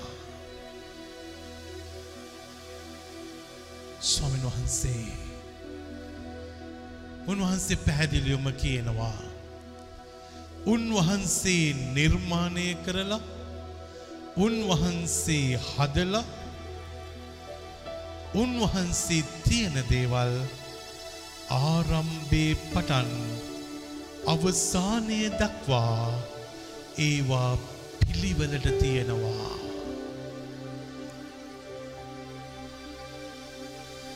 ඒවා තමන්ගේ යුතුකම් නිසි කලක පැහැර නොහරින්නේයා කිසි කලකවත් පැහැර නොහන්නේයා. ඒවායින් එකක් කිසි කලක තවත් එකක නොහැප්පුනේයා එක තමයි වෙනස. ස්වාමින් වහන්සේගේ නාමයෙන් නිර්මාණය විච්ච දේවල් වල හැප්පිල්ලක් නෑ. එකක් තවත් එකත් එක්ක හැප්පෙන්නේ නෑ. ඔබ අහල බලන්න. ඔබට වගකීමක් පැවරුණාට පස්සේ ඔබ කී දෙනෙකුත් එක්ක හැප්පෙන්ඩ යනවද. අරයටත් බැනලා මෙයාටත් බැනලා කෑ ගහලා ඇයියේ දෙවියන් තුළ ඒ කර්තව්‍ය නොවෙන තාක්කල් ඩිස්පියුට්ස්ම තමයි තියෙන්නේ. එදාට ඔබව දකිනකොට අනිත් ඇයට බයක් හිතේවී. සමහර වෙලාවට දරුව කියනවා.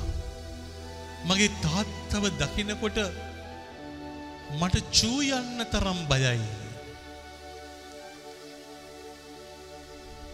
එතනකූ දේවිකත්වයා. අපේ බොස් එනවයි කියපුවාම අපේ මහත්‍යයා එනවයි කියපුවාම අපි හරි බයෙන් ඉන්නේ.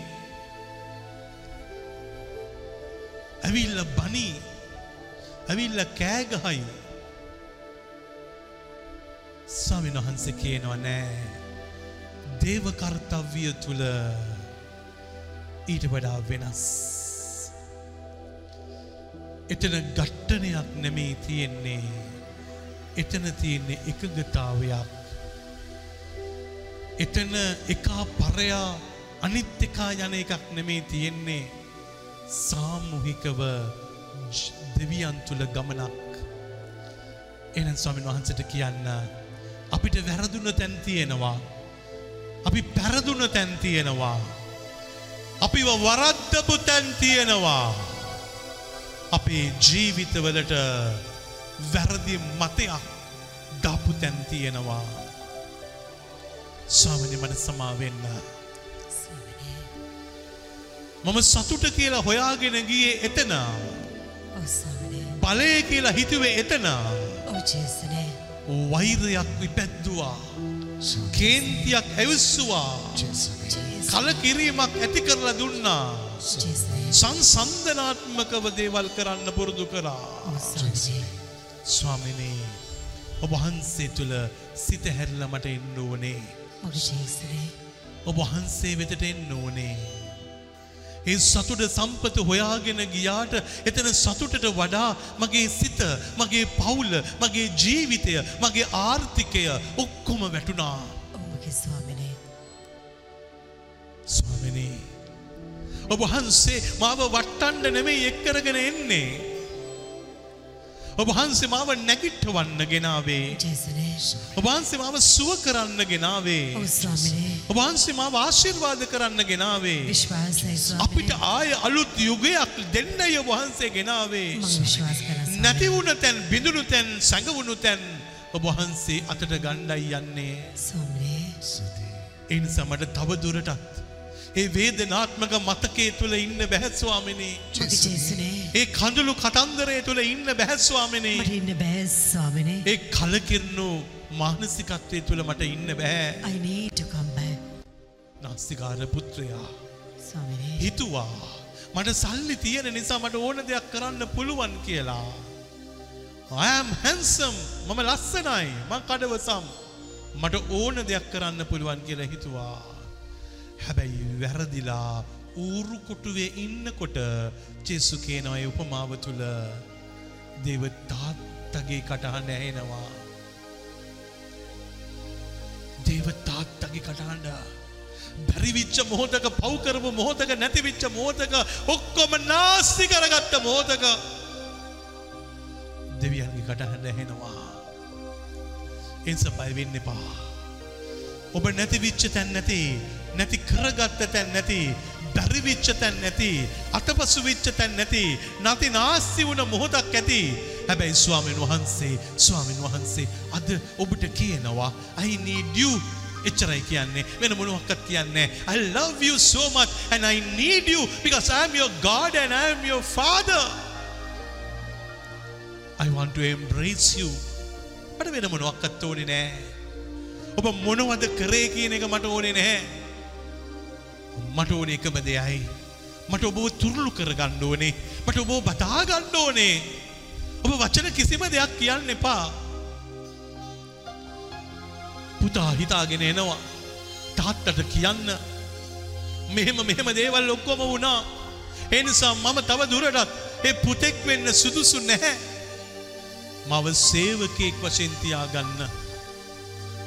සෙල්ෆ් ටෝක් එක නෙගටීව් හැබැයි තාත්ත ගාවට එනකොට තාත්ත ඇහැව්වේ නැහැ. ඔබේ කැතකුණු ගැන හැව්වේ නැහැ. ඒ වෙනුවට තුල්ලු කරගත්තා. සිප වැළඳ ගත්තා.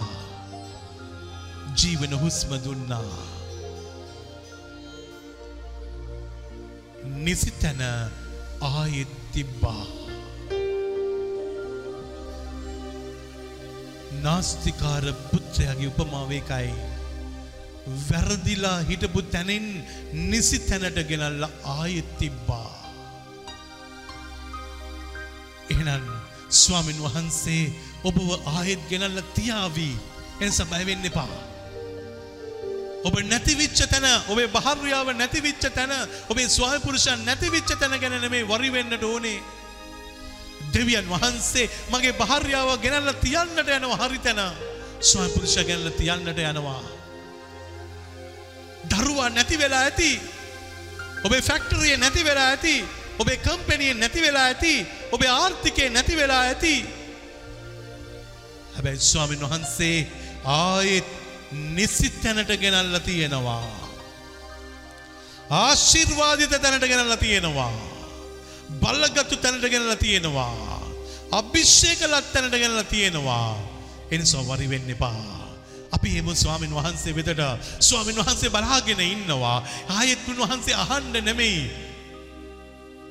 කිසිම දෙයක් අහන්නේ උන්වහන්සේ කියනවා come to me. මා වෙතට එන්න.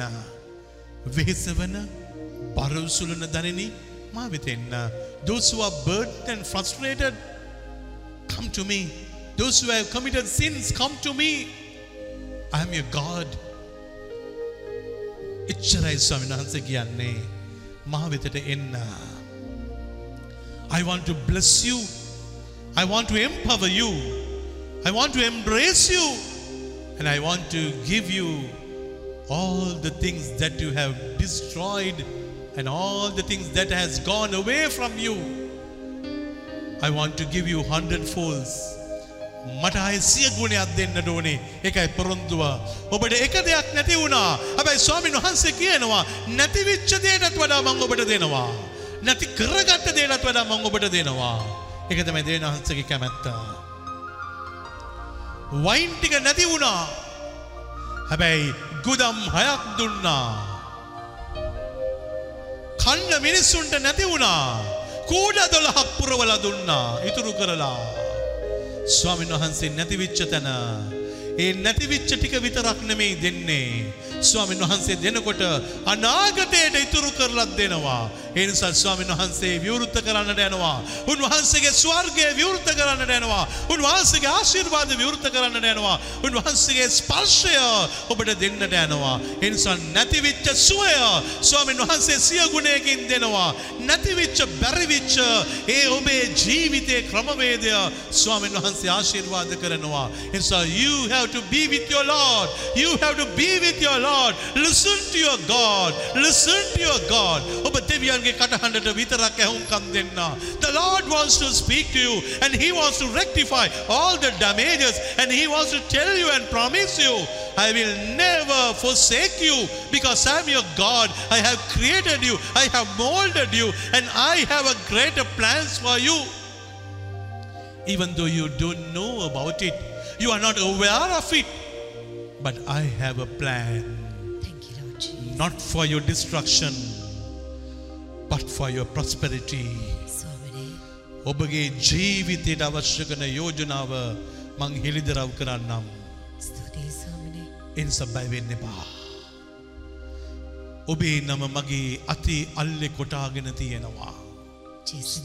ඔබ මාගේ ඇස් සමුවේ වටිනා වස්තුවක් ස්තුතියි ස්වාමිනේ. ජේසුනේ එනිස බයිවෙන්න එපා. මිනිසුන් ඔබව පිළිකුල් කරනකොට මිනිසුන් ඔබව අයින් කරනකොට මිනිස්සු ඔබව කොන් කරනකොට මිනිස්සු ඔබ කවදාක්වත් කරපු නැති වැරද්දක් කරයි කියලා ඔබේ හොඳ නම නැති කරනකොට මගේ ඇස් හමුවේ ඔබ වටිනා වස්තුවක්. එනිසා බය වෙන්න එපා. ඔබ ස්වාමින් වහන්සේගේ ඇස් සමුවේ වටිනාකමක් ඇති කරගන්න තාක්කල් මිනිස්සුන්ට බැහැ. ඔබේ වටිනාකම නැති කරන්න. මිනිස්සුන්ට බැහැ. ඔබව පාරට ඇදල දාන්න. මිනිස්සුන්ට බැහැ ඔබට අගහිඟකම් දෙන්න.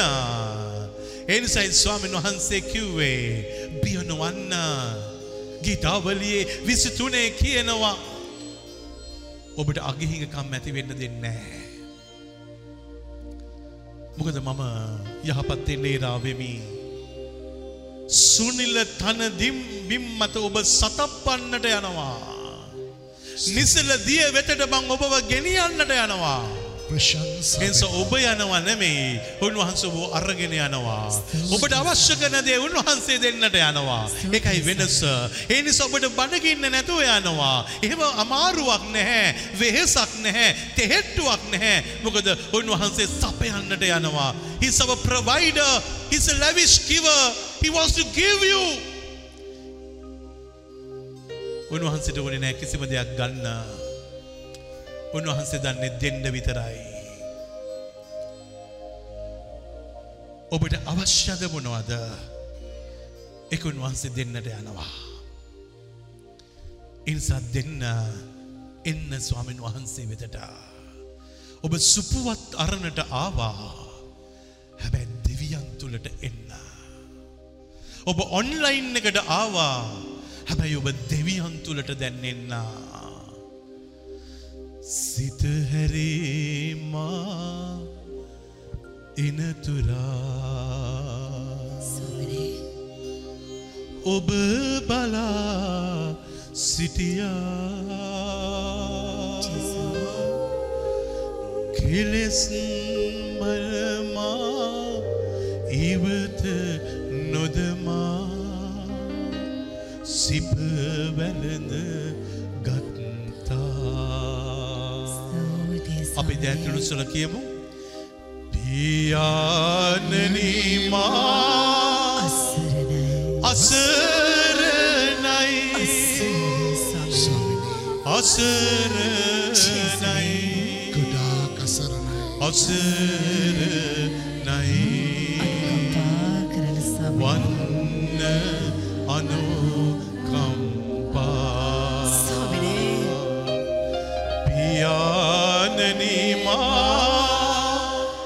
අසරණයි අසරණයි ස්වාමිනේ.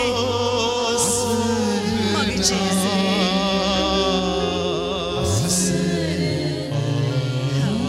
සියොන්නේ.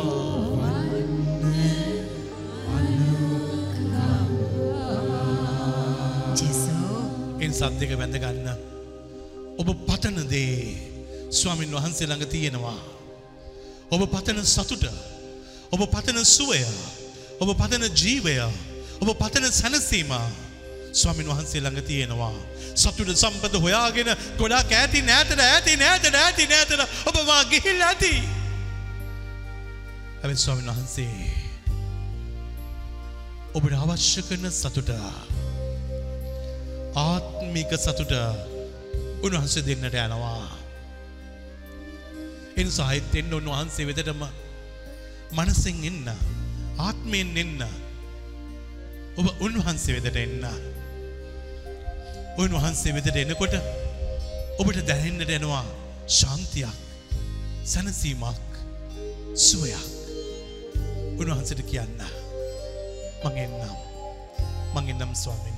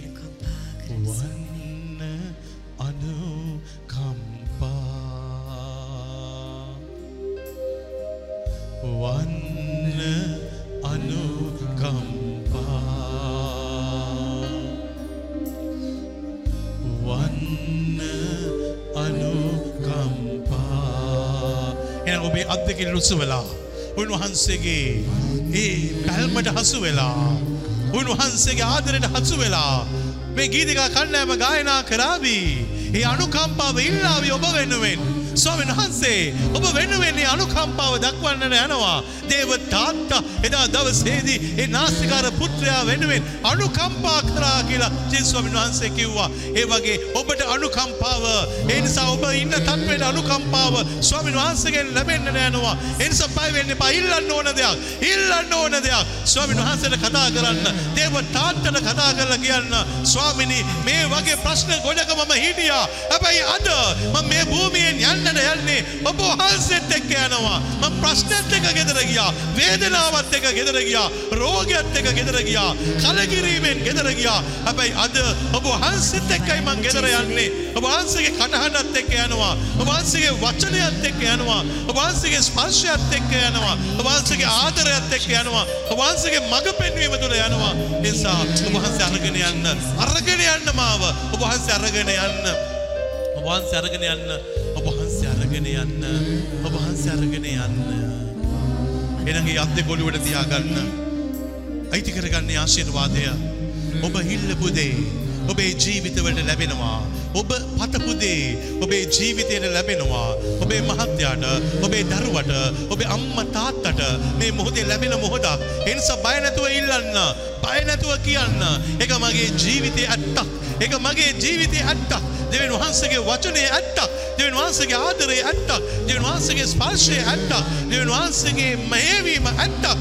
අද මගේ ජීවිතය අලුත් වෙනවා. මගේ ජීවිතය අලුත් වෙනවා. මගේ ජීවිතය ප්‍රබෝධ වෙනවා. මගේ ජීවිතය ආලෝකයෙන් පිරෙනවා. මගේ ජීවිතයට සහනය ලැබෙනවා. සැනසීම ලැබෙනවා. ඒ සැනසීම ඒ සැනසීම ගලනවා. ඒ ආදරය ගලනවා. ස්වාමීන් වහන්සේ මෙස්සල බලා එකම ලාකෝ බිකාතේ Mungu mbinguni vitatanamatalano eporia eporia batala eporia batala Mungu mikacho kalokarana sehio sehio sehio batale sehio batale bada Mungu Mongolia ekko mikor shakatalana shakatalana shakatalana matukko michaladini allaganda swamini shakatalana shakatalana allaganda swamini allaganda swamini abiwa abiwa allaganda abiwa allaganda wahansi wahansi වහන්සේගේ ආදරය තුළ අපේ ආදරය තුළ ඒ ප්‍රාතිහාරාත්මක මොහොතට ඔබ වහන්සේ අරගෙන යන්න.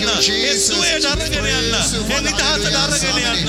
ඔබ වහන්සේ අරගෙන යන්න අපිව අරගෙන යන්න ස්වාමිනේ. ඕ Thank you, Jesus. Eshaheda. Sudi samani. Eshaheda beroro. Sudi samani. Eshaheda beroro. Hallelujah. Mantalatia malacholo.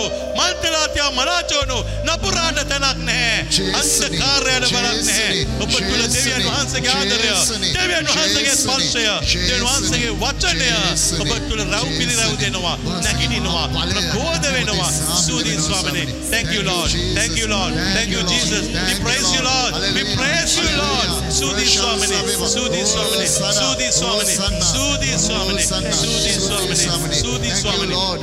Sudi Swamini. Sudi Swamini. Sudi Sudi Swamini. Swamini. Sudi Swamini. Prashansa Viva. Sudi එහෙනම් ඔබේ. වම් මත පපුවට තියාගෙන ඔබේ දකුණු අතේ ලොස්සු වෙලා. ඒ ආශිර්වාදය. ඔබ කැමති ඕනෑම තැනකට කෙනෙකුට යවන්න. ඔබේ ඔෆිස් එකට ඔබේ ෆැක්ටරීකට ඔබ වැඩ කරන තැනට ඔබ ඉගෙන ගන්න ස්කෝලට හැමතැන්ටම යවන්න. ඔබේ ඔන්ලයින් ක්ලාසස් වලට යවන්න. ලංකාවේ පිටරට ඕන්න තැනකට යවන්න. ස්වාමින් වහන්සේගේ ආශිර්වාදයයි. වෙන එතන වෙන බලයක් නැහැ. එතන වෙන කූට උපායක් නැහැ. උන්වහන්සේගේ ආශිර්වාදය විතරක් යවන්න. උන්වහන්සේගේ ආදරය යවන්න. උන්වහන්සේගේ ඒ ස්පර්ශය යවන්න. ස්පර්ශය යවන්න. ස්වාමීන් වහන්සේ මහත්දේ කරන්නට යනවා මහත්දේ කරන්නට යනවා. ඔබේ ජීවිතය ඇතුළේ ඒ මහත්දේ සිදුවෙමින් පවතිනවා සිදුවෙමින් පවතිනවා. එනිස ස්වාමීන් වහන්සේ අද මේ රාත්‍රයේදී ඔබව මේ මොහොතේදී ස්පර්ශ වෙච්ච මොහොතක තවත් කෙනෙක්ව ස්පර්ශ වෙනවා. ස්වාමීන් වහන්සේ ඔබගේ ජීවිතයේ අල්ලපු මොහොතක තවත් කෙනෙක්ගේ ජීවිතයට අරුතක් ලැබෙන්නට යනවා. අරුතක් ලැබෙන්නට යනවා. එනිසා ඔබ අරුතක් දෙනවා නෙමෙයි ස්වාමින් වහන්සේ අරුතක් දෙනවා. ඔබ සුව කරනවා නෙමෙයි ස්වාමින් වහන්සේ සුව කරනවා. ඔබ හදනවා නෙමෙයි ස්වාමින් වහන්සේ හදනවා. ඔබ ගොඩ නගනවා නෙමෙයි ස්වාමින් වහන්සේ ගොඩ නගනවා. ඔබ නිදහස් කරනවා නෙමෙයි ස්වාමින් වහන්සේ නිදහස් කරනවා. එහෙනම් දැන් ඇත්තේ දෙවිඳුන්ගේ ආශිර්වාදය පමණයි. ස්තුතියි ස්වාමිනේ. Swamini. අත් දෙක දෙපැත්තට විහිදු වෙලා සුළු මොහොතක් ස්වාමීන් වහන්සේත් එක්ක ඉන්න. ජේසුනේ